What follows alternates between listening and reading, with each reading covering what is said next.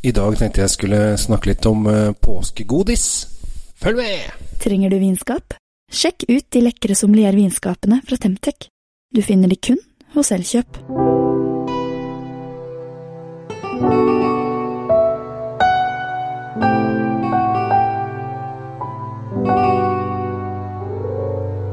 God påske, alle sammen. Jeg håper det er påske når du hører på denne podkasten. Kanskje det er eh, jul eller eh, sommer for den saks skyld.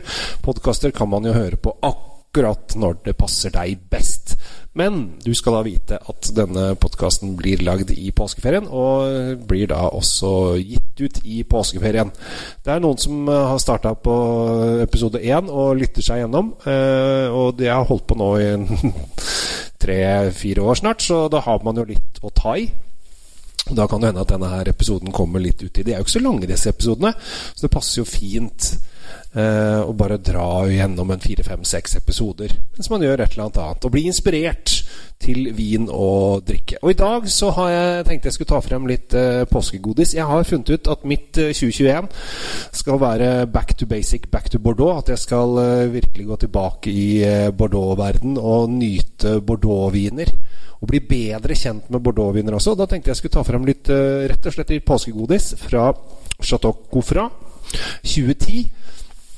Som er en uh, vin som du får i uh, basis på, på polet. Uh, som betyr at den er i veldig mange vinmonopol rundt om. Og det jeg syns er litt kult med Chateau Coffra, er at det, det, er ikke sånn Det dyr bordeaux. Det er liksom tilgjengelig bordeaux. Det er ikke topp bordeaux heller, men det er en bra bordeaux til en kul pris. Og så fins den i forskjellige størrelser og i forskjellige priser. Den jeg tar, er godåret, og da snakker vi virkelig godåret 2010. Veldig bra år, og den ligger da til 296,90 på polet. Så dette er en Jeg vil kalle det en rimelig vin som er allerede blitt 11 år gammel. De har også 2015. Den tror jeg bare er i Magnum. Og så har de den også i, i sånn halvflaske.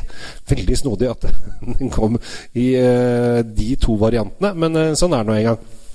Men jeg tok 2010 rett og slett fordi jeg har lyst til å kose meg og ha litt påskegodt. Jeg skal ha litt påskelam i påsken, og da tenkte jeg faktisk jeg skulle gå gjennom Jeg har den Magnumen også i 2015, så skal teste den også.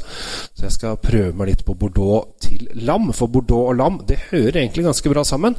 Eh, og det kan jeg bare først, før vi tar, eh, tar og smaker på vinen her, så tenkte jeg at bare sånn gi et par eh, retningslinjer for lam. Det er da Rioja i Spania, eller eh, Ribera del Duero hvis du vil. Altså Temperanillo-druen med litt, eh, litt eh, trøkk i seg. Og så er det Nebbiolo-druen. Og gjerne da gå opp til Gatinara-distriktet. Altså ikke gå ned i Barolo Barbaresco, men gå opp til Gatinara. Der er det ofte litt kaldere og litt sørligere, eh, syrligere, så da blir den litt friskere. Eh, så det funker egentlig veldig bra. Men i dag så er vi i Den hellige gral av uh, vindistrikter, nemlig i Bordeaux. Vi er i Medoc. Hot Medoc! Uh, fransken min er så som så. Uh, men jeg begynner å kunne litt om vin, også om fransk vin, så jeg vet hvor det er. men vi er da i Bordeaux, som er Grunnen til at jeg sier at det er hellig gral, er at det var de som begynte med rødvin. På 1750-tallet så begynte de å legge rødvin på tønner og få den vinen vi har i dag, altså mørk rødvin. At de gjæra øh, skallet oppi sammen med vinen, eller vinsaften, og fikk da den mørke vinen. I motsetning til øh, rosévin, som da har de litt øh, skallkontakt oppi. Da ligger det litt grann med skall. Eller hvitvin, som da er lagd av hvite druer, eller i og for seg røde druer.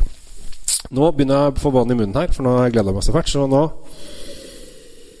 det som er så gøy når en vin begynner å, å bli eh, litt oppi åra Den her er jo ikke kjempegammel, men den er eh, 2010, så den har litt eh, Litt årgang på seg. Den kan helt sikkert ligge i ti år til, den uten problemer. Så har den begynt å bli litt mursteinsrød, eh, og er litt sånn Når du lukter på den, så kjenner du litt sånn modne kirsebær, litt moreller, litt Åh,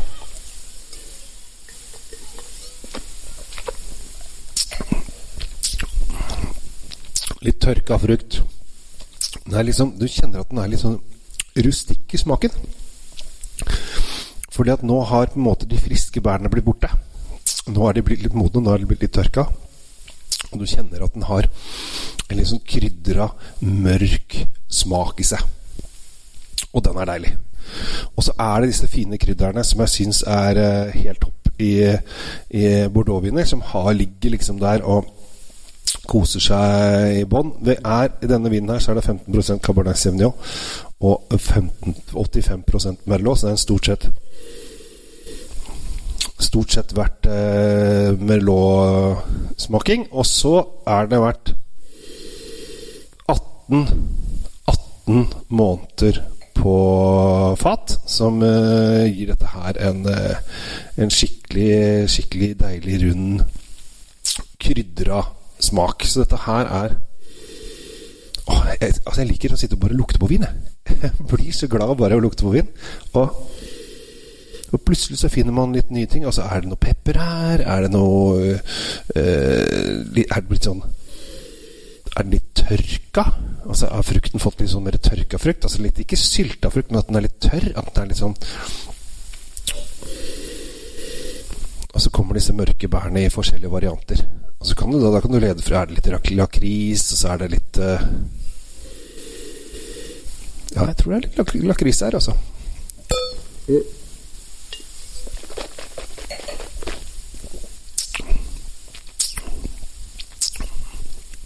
Men den er moden, og den er rund, og den sitter godt i munnen. Og den er ganske tørr i finishen, men sitter ganske lenge. Dette syns jeg var en uh, nydelig vin. Så i dag påskegodis fra Henriks. Og regner med at det kommer mye Bordeaux-viner fra meg dette året her. Så er du interessert, prøv deg litt frem. Her har du mulighet uh, å prøve to forskjellige årganger. Det skal jeg tenkte jeg skal gjøre litt senere, for uh, nå er det jo korona. Så jeg skal får ikke noen venner på besøk, men jeg skal sitte ute på verandaen med god avstand, og så skal jeg blindteste de på da 2010 og 2015. For å se om de merker forskjellen. Om de kan kjenne fem år i forskjell. Det blir gøy. Det kan du også gjøre.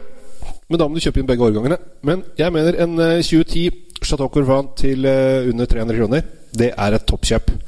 Så prøv gjerne det. Og med det så ønsker jeg deg en riktig, riktig god påske. Jeg skal kjøre bag-in-box-kjøret nå i morgen. Uh, hvis du hører dette i dag, så er det i morgen. Så er det da tre bag-in-boxer som skal testes. Og på skjærtorsdag er det nye tre bag-in-boxer som skal testes.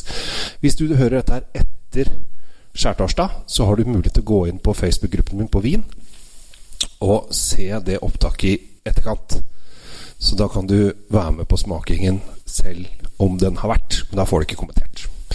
Med det ønsker jeg alle en riktig god påske. Ta vare på dere selv. Abonner gjerne på kanalen, og nyt påsken.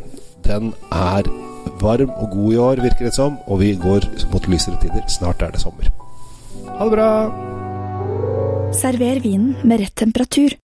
Med et sommelier vinskap fra Temtec har du alltid serveringsklar vin tilgjengelig.